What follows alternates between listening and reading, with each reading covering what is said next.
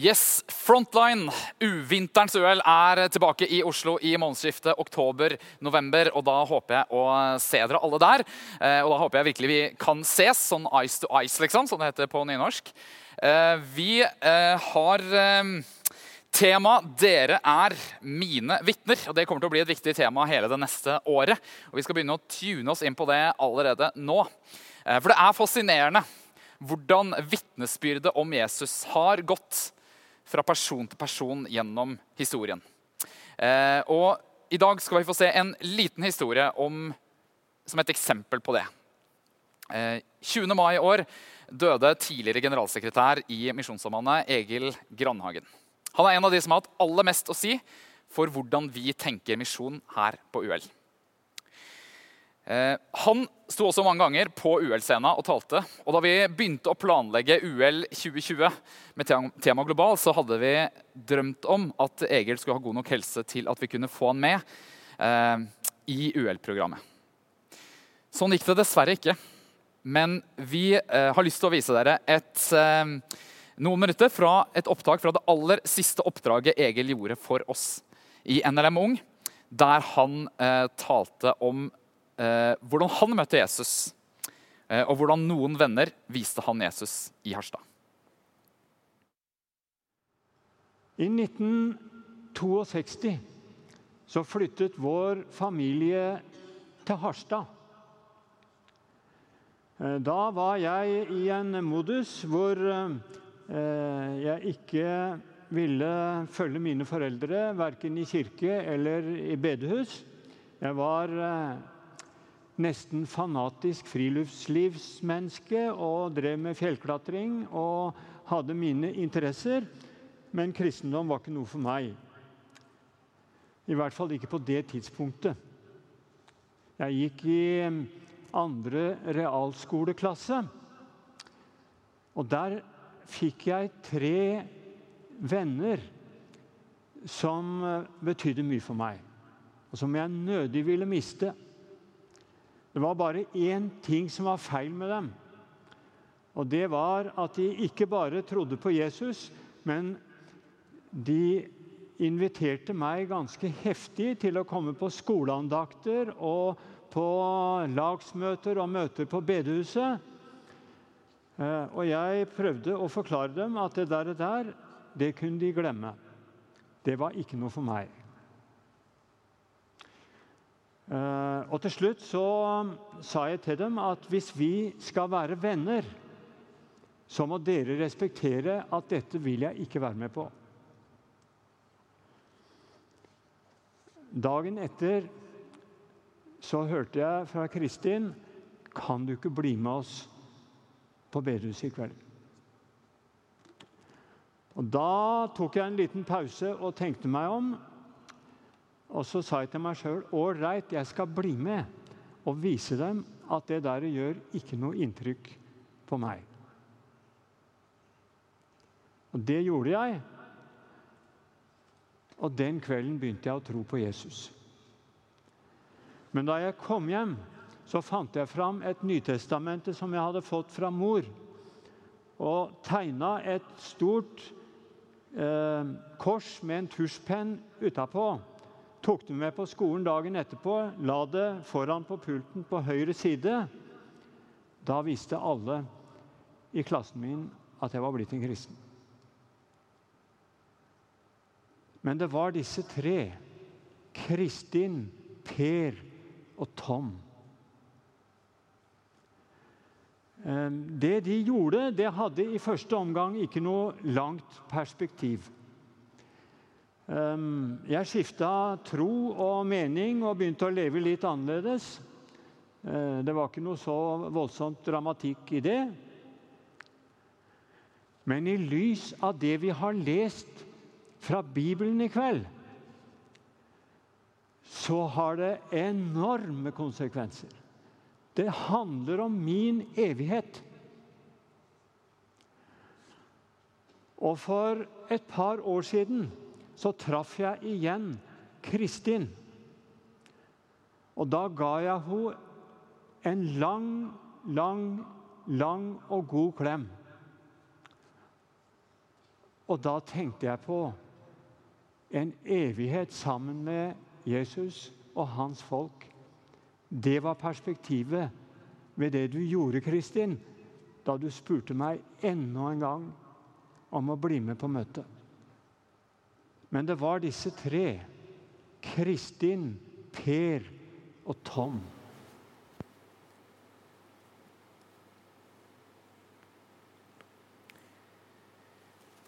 Og da sitter jeg her med Kristin og Per. Hjertelig velkommen til UL. Eh, Det er jo sterkt for alle oss som kjente Egil, å eh, se dette klippet her. Hvordan var det for dere å høre denne historien her eh, om igjen? Ja, det er jo overveldende. Og jeg tenkte jo ikke den gang at det skulle ha slike konsekvenser for Egil sitt liv. Ja, altså det er jo um, sterkt emosjonelt. På grensa så gir eh, at tårene ikke ligger langt unna. Tom, som var den tredje han nevnte, han er ikke blant oss lenger. Så vi lyser fred over Toms minne. Men så er det jo slik at det å føre mennesker til Jesus, det er ikke en enmannsjobb. Det er teamwork. Det har vært bedt for Egil i lang tid. Hans mor, hans far og andre. Han var moden, og vi fikk lov til å høste det noen hadde sådd. Dere var altså en del av et eh, ungdomsmiljø i eh, Harstad. Eh, Hvordan vil du beskrive det, Kristin? Ja, det var stor åpenhet og frimodighet. Det var inkluderende, og alle deltok, fikk være med. På lagmøter og på fester. Og noe som ga et veldig samhold og et godt fellesskap. Noe du vil legge til, Per? Ja, det vil jeg gjerne, for jeg er enig i at det var et særdeles godt fellesskap. Og det fellesskapet har holdt seg i alle disse åra. Og i kveld så er jeg samla våre gamle venner til en bønnering for å hjelpe oss igjennom denne kvelden. Det er flott å høre, og det har gått eh, utmerket så langt. Eh, per, du ble jo eh, Skal vi se, i, i 1962 så, så kom eh, en ung mann flyttende fra Hønefoss til Harstad og ble en del av gjengen deres. Eh, per, hva, hvordan vil du beskrive vennskapet med, med Egil? Hva kjennetegna det? Ja, jeg vil si at Egil var en uh, veldig glad gutt. Uh, når vi var på hyttetur, på guttetur, så var han absolutt eh, med på de spillhoppene som han fant på der. I tillegg til det så hadde han en, eh, en genuin interesse for friluftsliv og jakt. Og det brukte han i sin søken etter å vinne mennesker for Jesus. På den måten at han møtte de som hadde disse interessene på deres område. Du satt ved siden av Egil i klasserommet, Kristin. Eh, hva husker du fra, fra, fra tida på skolen med Egil? Ja, Vi samarbeida, og det var på begynnelsen av sånn gruppearbeid. Så da ble vi bedt, de som satt ved siden av hverandre, de kunne jobbe sammen. Og da ble vi jo godt kjent, og vi diskuterte friluftsliv. Jeg var speider, og vi hadde interesser med båt og fiske. og Det var mye sånt vi diskuterte. Og seinere ble det jo laget, fellesskapet i laget.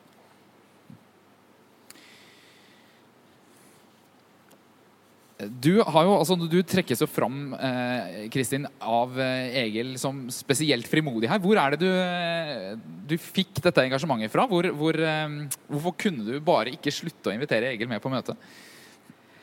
Nei, vi lærte jo på, i andakt og på skole og på laget at vi måtte være frimodige, og vi måtte be andre å være med. Folk spørre klassekamerater og venner og få de til å være med. Og Egil var ny, og da tenkte vi må inkludere han. Kan dere også si noe om hva Egil betydde for dere i, eh, i Harstad? Ja, han var utrolig eh, flink å, å samle folk. Han satte seg til pianoet, så var det sang og musikk. Og han var med på alt som vi gjorde, og var alltid positiv. Og vi hadde eh, sånn møter og fester, så jobba vi i lag. Og alle, det at alle var inkludert, det gjorde jo at Egil fikk en stor stjerne. Han ble senere leder i laget. Så når han dro, så savna vi jo den lederen som reiste fra oss. Vi har jo sett det at eh, Egil han brukte hele livet sitt i misjonens tjeneste. Eh, og Eh, jeg, jeg bare sitter og lurer på hvor er det Jeg tror jeg kan ane noe. Nå har jeg, nå jeg snakka med dere ganske lenge i dag, og eh, det kan dere der hjemme være veldig lei dere for. At dere ikke får med dere hele samtalen. Men jeg har jo fått sett noe av det engasjementet som, som dere har. Og jeg bare lurer på, kan dere si noe har Egil blitt, Hvor er det Egil har blitt smitta fra? Hva er det, hvor, hvor kom dette misjonsengasjementet eh, fra, fra i miljøet deres? Ja, i, På 60-tallet og i begynnelsen av 60-tallet hadde vi årlige pinsestevner i Harstad. Og eh, Der var jo naturligvis misjonsbefalinga sterkt framme og fokusert på. Og Vi ble jo bedt om å være frimodige. Men i dag så bør vi jo alle være med og være frimodige til å forkynne med ordene våre og med livet vårt. Både på misjonsmarka ute og hjemme sammen med våre naboer og våre nye landsmenn. Mm. Egil hadde jo en, en sterkt Jesus-vitnesbyrd og, og, et vitnesbyrd om, om, frelsen i Jesus. Og um, det er noe han aktivt delte også i siste del av livet. Du, Per, du eh, har funnet fram et, eh, et av innleggene på Facebook-profilen hans som jeg syns var en nydelig beskrivelse av akkurat det her. Ja, Det gleder jeg meg til å lese. Øyeblikket, et lite stykke tid som er skjenket oss fra lysenes far bare en millimeter av dagens utstrekning, men likevel så viktig. Nok til at Gud kan berøre oss og lyse opp vårt indre menneske. Nok til at et menneske kan vende seg til Han, rekke ut ei tom hand og ta imot Guds frelse. Eh, og Dette vitnesbyrdet om frelsen i Jesus det fortsatte Egil å dele også etter han ble pensjonist. Og Sammen med kona Solveig så valgte han kanskje som ikke alle andre hadde tenkt. Eh, det er jo mange av oss eh, bedehusfolk som, som gjerne flytter inn i en av Misjonssambanets mange boliger, eller i hvert fall et eller annet sted sammen med mange likesinnede og kommenterer lederartikler i dagen og sånn. i alderdommen. Men Egil og Solveig valgte bevisst å flytte til et sted med få bedehusgjengere, og de flytta til Søndre Land. Eh, og det valget det skulle få betydning for ei tenåringsjente i eh, Bergegala. Ida, du fikk Egil og Solveig som eh, naboer. Husker du da de kom til bygda? Det er jo åtte år siden da de ble våre naboer. Og da gikk jeg i tiende klasse. Eh, men det var veldig tydelig for oss at de var eh, kristne. Det var noe ved dem. Og de var veldig søkende etter å bli kjent med oss og naboene i bygda. Mm. Hmm. Eh, du har jo vokst opp et sted hvor det ikke har vært masse kristen aktivitet. Det er ikke engang et bedehus og ikke ungdomsarbeid i, i, der du bor. Men allikevel, allerede før Egil og Solveig kom, så hadde du fått en nysgjerrighet på, på kristen tro. Kan du si litt om det? Ja, det vokste vel fram når jeg var i konfirmanttiden og var på konfirmantleir. Og så fortsatte jeg å dra på leir, men det var på en måte det eneste dryppet jeg fikk av, av å lære mer om troen min og få mer kjennskap. Liksom, en gang i året på leir? Ja, på en måte. Eh, og ja. Eh, det vokste fram en større interesse på meg. Og når jeg, når jeg, da begynte på videregående, så kom jeg til et litt større miljø. Da var det noen studenter fra Vestlandet som hadde flytta til Gjøvik for å, for å møte ungdommer der som var kristne. Og de møtte oss på laget.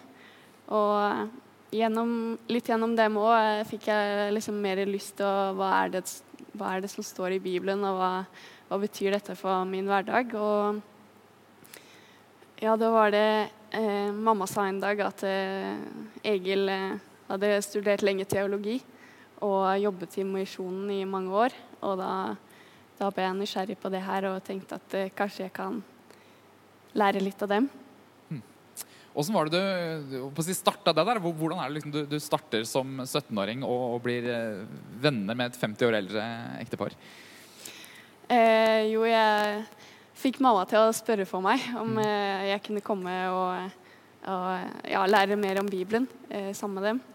Og ja, jeg ble invitert på kveldsmat, og sånn fortsatte det egentlig sånn hver tredje uke i tre år eh, mens jeg var på videregående og mens jeg var lærling.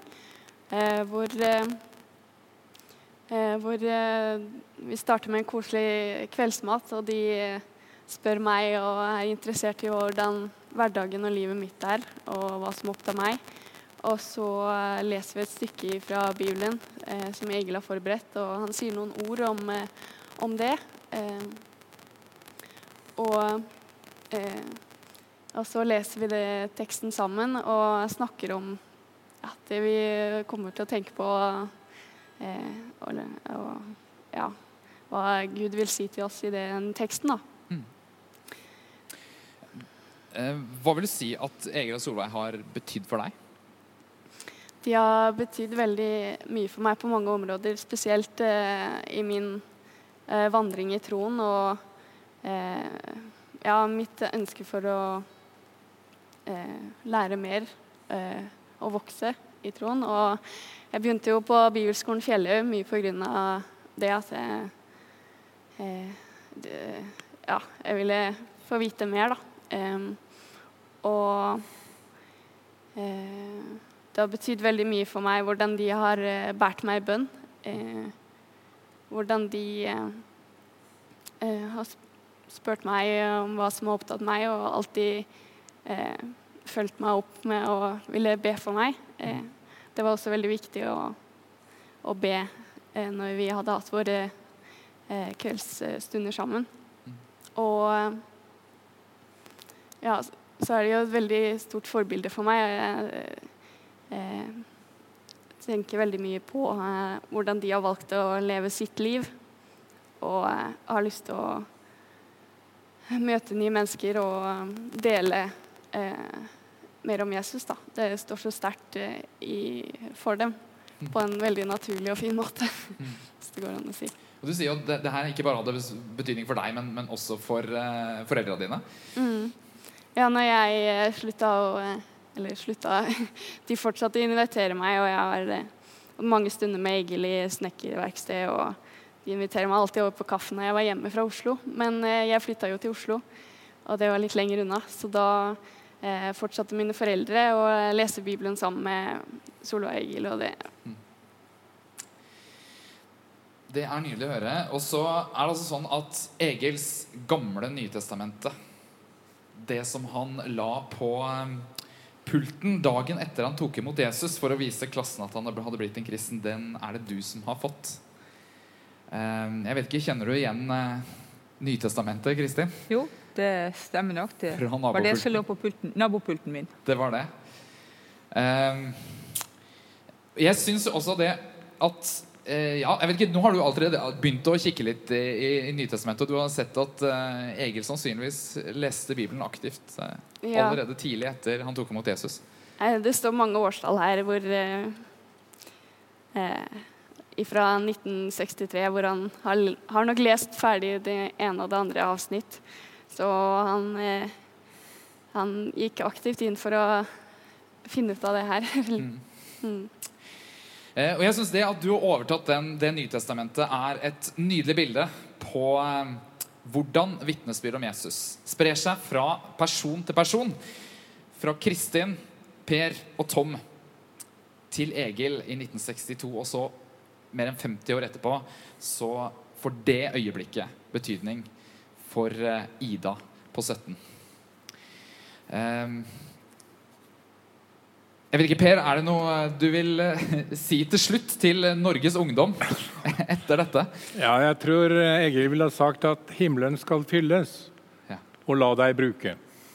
Det er en god oppsummering og en fin overgang til eh, hvordan vi kanskje kan runde av det intervjuet her. Eh, for Egil hadde en tydelig forkynnelse om himmelen.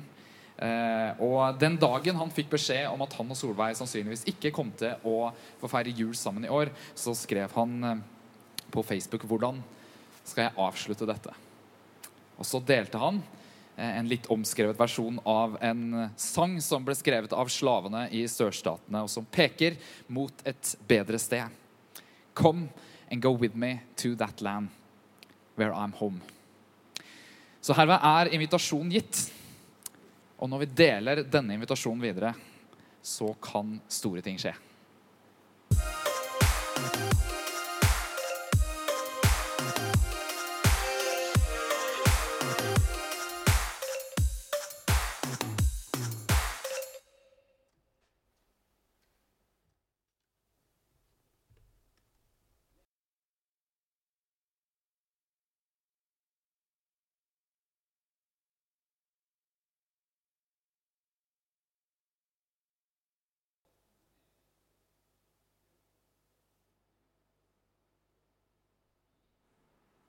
Skal vi ha.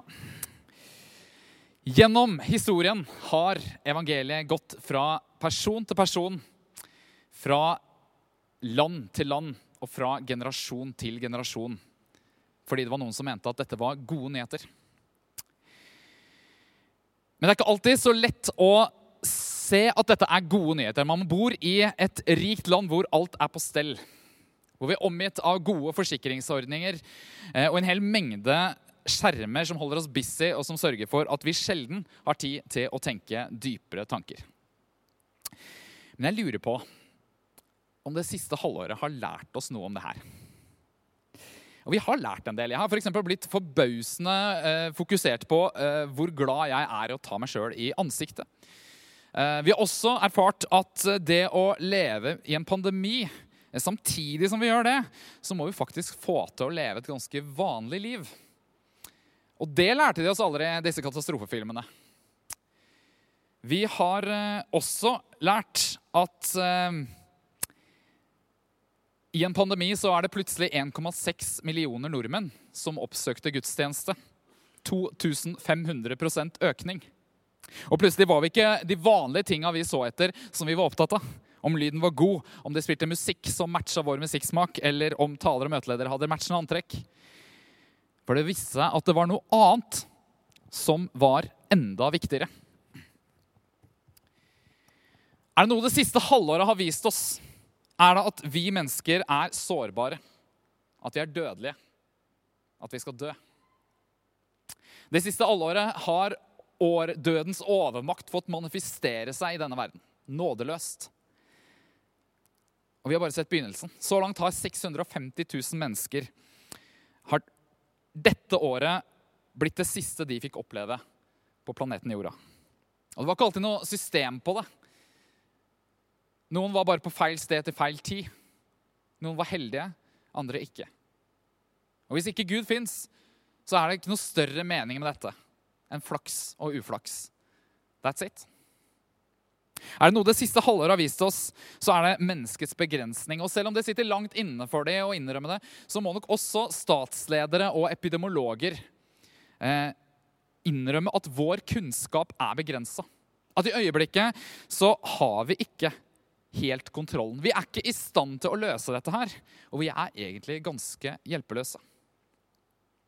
Er det noe det siste halvåret har vist oss, så er det menneskets synd. Vi har sett hovmot, vi har sett hat, vi har sett rasisme, vi har sett drap. Vi har sett hvordan mennesker vender seg mot hverandre. Vi har sett handlevognrullende kunder tømme Norge for dopapir. Vi har sett statsledere som eh, svindler og utnytter sårbare mennesker, som stjeler hverandres medisiner. Vi har sett egoisme. Grenseløs egoisme. Er det noe det siste halvåret har lært oss, så er det at alle de tinga vi setter pris på i livet, det er noe midlertidig. Som vi bare har fått til låns. At klassefellesskap, vennskap, russefeiringer, fotballturneringer og uhell det er noe som kan bli tatt fra oss. Er det noe det siste halvåret har vist oss, så er det at alle de tinga vi bygger livet vårt på, som vi tenker er den sikre grunnen vi står på, jobben vår, forsikringene våre, huset vårt, skoleplassen vår, pengene våre og den verden vi kjenner, det er noe vi kan miste. Det er noe som over natta kan vise seg å bli verdiløst. Den faste klippen vi står på, viste seg å ikke holde. Akkurat nå lever vi i en syk verden. Og I en syk verden så er verdens midlertidighet, menneskets sårbarhet og dødskreftene i verden synligere enn vanlig. Og Akkurat nå så lengter denne verden etter gode nyheter. Etter mening. Etter redning. Etter noe som er fast. Etter noe som holder. Men hva hvis dette her faktisk er sant? Hva hvis denne historien om Jesus er virkelighet? Da forandres alt. Da kan vi fortelle en verden som akkurat nå venter desperat på en vaksine som kan gi oss 5, 10, 15, 20 eller 50 år ekstra å leve, at vi var skapt for noe mer enn bare å gå noen år på jorda. Vi var skapt for mye, mye mer. Da kan vi fortelle en verden som er full av ensomme mennesker, at Gud kom hit, at han er her. at vi ikke er forlatt. Da kan vi fortelle en syk verden at lidelsen en dag skal ta slutt. Da kan vi fortelle en lost verden at det fins håp. Da kan vi fortelle alle som leter etter mening, at vi er skapt for noe mer enn å runde Netflix. Om et større oppdrag enn å leve for oss sjøl. Da kan vi fortelle oss syndere at det fins tilgivelse. Og da kan vi midt i en pandemi ha total fred og fullkomment håp. 2020 har så langt vært året for de dårlige nyhetene. Året da alt ble avlyst. Skoledager, russetid og eksamen avlyst. Sommerferie i utlandet, tur til UL, fotballkamper og gode klemmer avlyst. Bryllup avlyst. Normalt liv avlyst. Men hvis det her med Jesus er sant, så er UL 2020 stedet for gode nyheter. Og da kan vi snakke om en annen avlysning. Og det er den beste avlysningen i verdenshistorien. Og det er pga. det Jesus gjorde. For jeg tror at dette vitnesbyrdet som har gått fra person til person, at det er sant. Jeg tror det er sant at Jesus gikk til Golgata for deg. Jeg tror det er sant at da Jesus med to utstrakte armer hang på korset og ropte ut 'Det er fullbrakt', så ble verdenshistorien totalt forvandla. Graven er tom. Jesus lever. Mine damer og herrer, døden er avlyst. Jesus sier, 'Den som har Sønnen, har livet'. Den som tror på meg, skal leve om han enn dør. Jesus ga livet sitt for verdens synd. Han vant over døden. Og du er invitert til et liv som aldri ender. Og Hvis du tror på Jesus, så er det mye som er avlyst. Din synd avlyst. Din skyld avlyst. Skammen som forteller at du ikke er god nok, avlyst. Evig fordømmelse avlyst. Frelse ved gjerninger avlyst. Adskillelse fra Gud avlyst. Jesus kom ikke bare for å gjøre onde mennesker og syndige mennesker gode, men han kom for å gjøre døde mennesker levende. Hans liv for ditt mørke. Hans nåde for din synd. Hans liv og oppstandelse for din død. Døden er avlyst. Seieren er vunnet. Død, hvor er din brodd? Død, hvor er din seier? Folkens, evangeliet er gode nyheter. Og Gjennom historien så har dette vitnesbyrdet om Jesus spredt seg fra person til person. Og Snart så har det nådd enden av jorda. Og Hvis vi skulle begynt med smittesporing eh, og begynt å lure på hvor er det dette kommer fra, hvor er det disse nyhetene starta, så ville vi kanskje til slutt ende hos Peter og Jakob og Johannes og de andre disiplene. De gikk i døden for at denne nyheten skulle komme fram til deg. Og de ble etterfulgt av andre mennesker som også tenkte eh, at disse nyhetene er viktigere enn livet vårt, så vi kan ikke slutte å la være å snakke og fortelle om det. Og så nådde det til slutt tre ungdommer i Harstad som heller ikke klarte å fortelle og slutte å fortelle. Det gjelder din evighet. Og så har det blitt ført videre til nye generasjoner av frimodige mennesker som sier, 'Come and go with me to that land'. Vitnesbyrd om Jesus sprer seg videre. Og nå har det nådd deg som ser på UL. Og heldigvis så kom ikke Jesus for å kalle rettferdige, men han kom for å kalle syndere. Så vi to er invitert. Et øyeblikk. Et lite stykke tid som er skjenket oss fra lysenes far. Men stort nok til at et menneske kan vende seg til han. Rekke ut ei tom hånd og ta imot Guds frelse. Og så kan du få lov, sammen med mange andre, for vi er mange, reise oss og si ja, jeg vil følge deg, Jesus. I will go with you to that land where I'm home.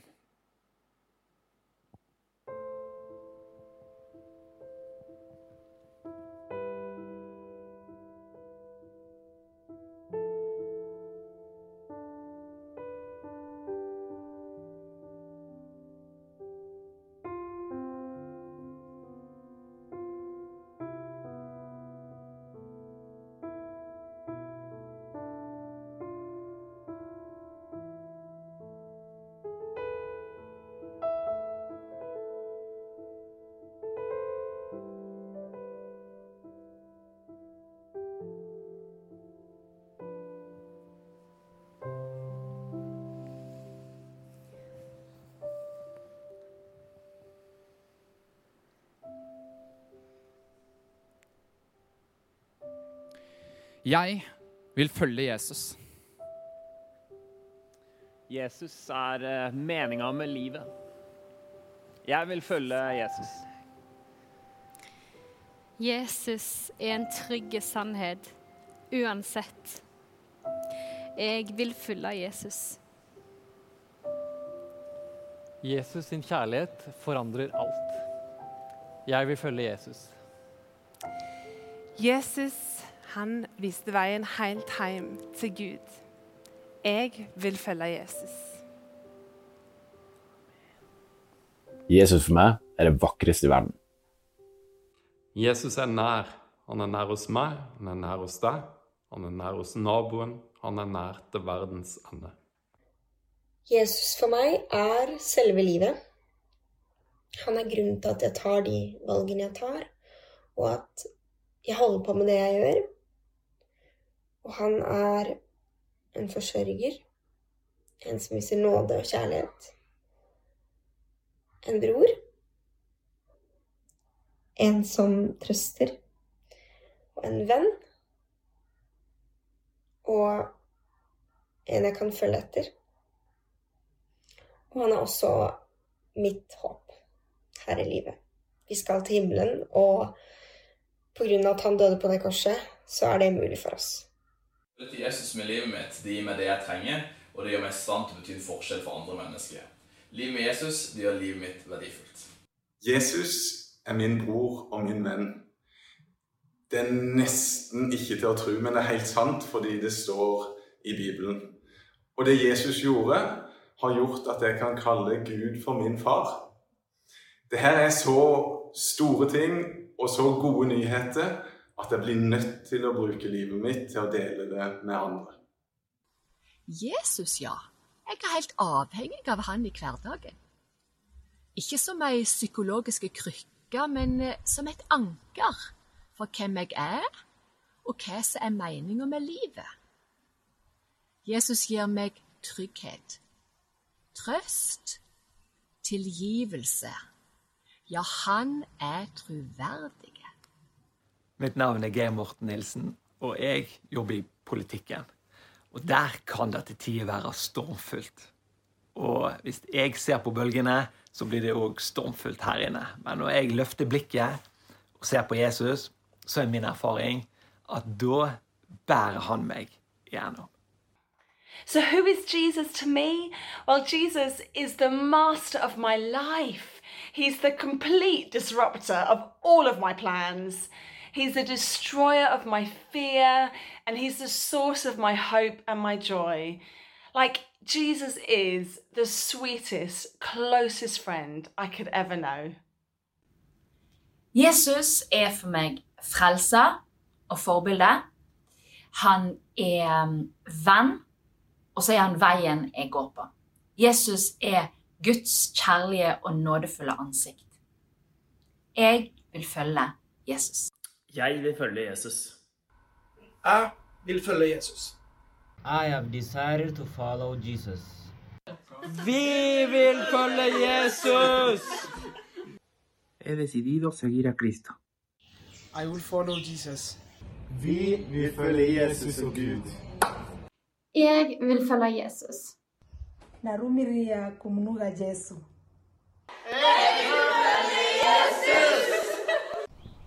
Jeg vil følge Jesus. Jeg vil følge Jesus.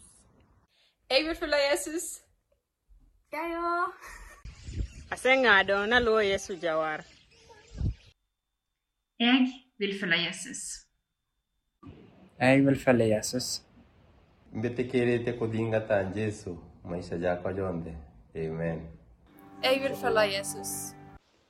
イエス様についていくと 決心しました。 Jeg vil følge Jesus. Jeg har valgt å følge Jesus. I have decided to follow Jesus.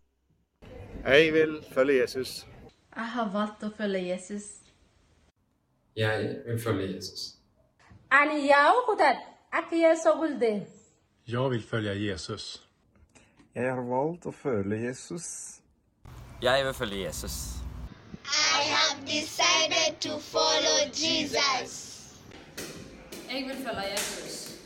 Jeg vil følge Jesus. He decidido seguir a Cristo. Jeg vil følge Jesus. Jeg vil følge Jesus. Nimeamua kufuata Yesu. Jeg vil følge Jesus. Jeg vil følge Jesus. Jeg vil følge Jesus. Jeg vil følge Jesus.